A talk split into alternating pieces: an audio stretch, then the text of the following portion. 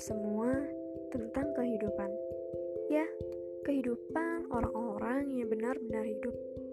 Hidup di dunia tentunya. Eh, tapi bukan dunia lain ya. di kisah kasih ini, gue akan menceritakan apa pun yang ingin gue ceritakan. Karena gak semua orang mudah buat cerita. Gue contohnya. Entah ya, gue susah buat cerita ke orang lain.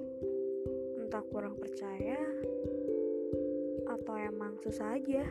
Atau yang lain? Entah sih. Mungkin di podcast ini ada perasaan teman-teman yang terwakilkan. Semoga ya. Menurut gue hidup gak semudah seperti apa yang diucapkan. Tentunya hendak ketika dilakukan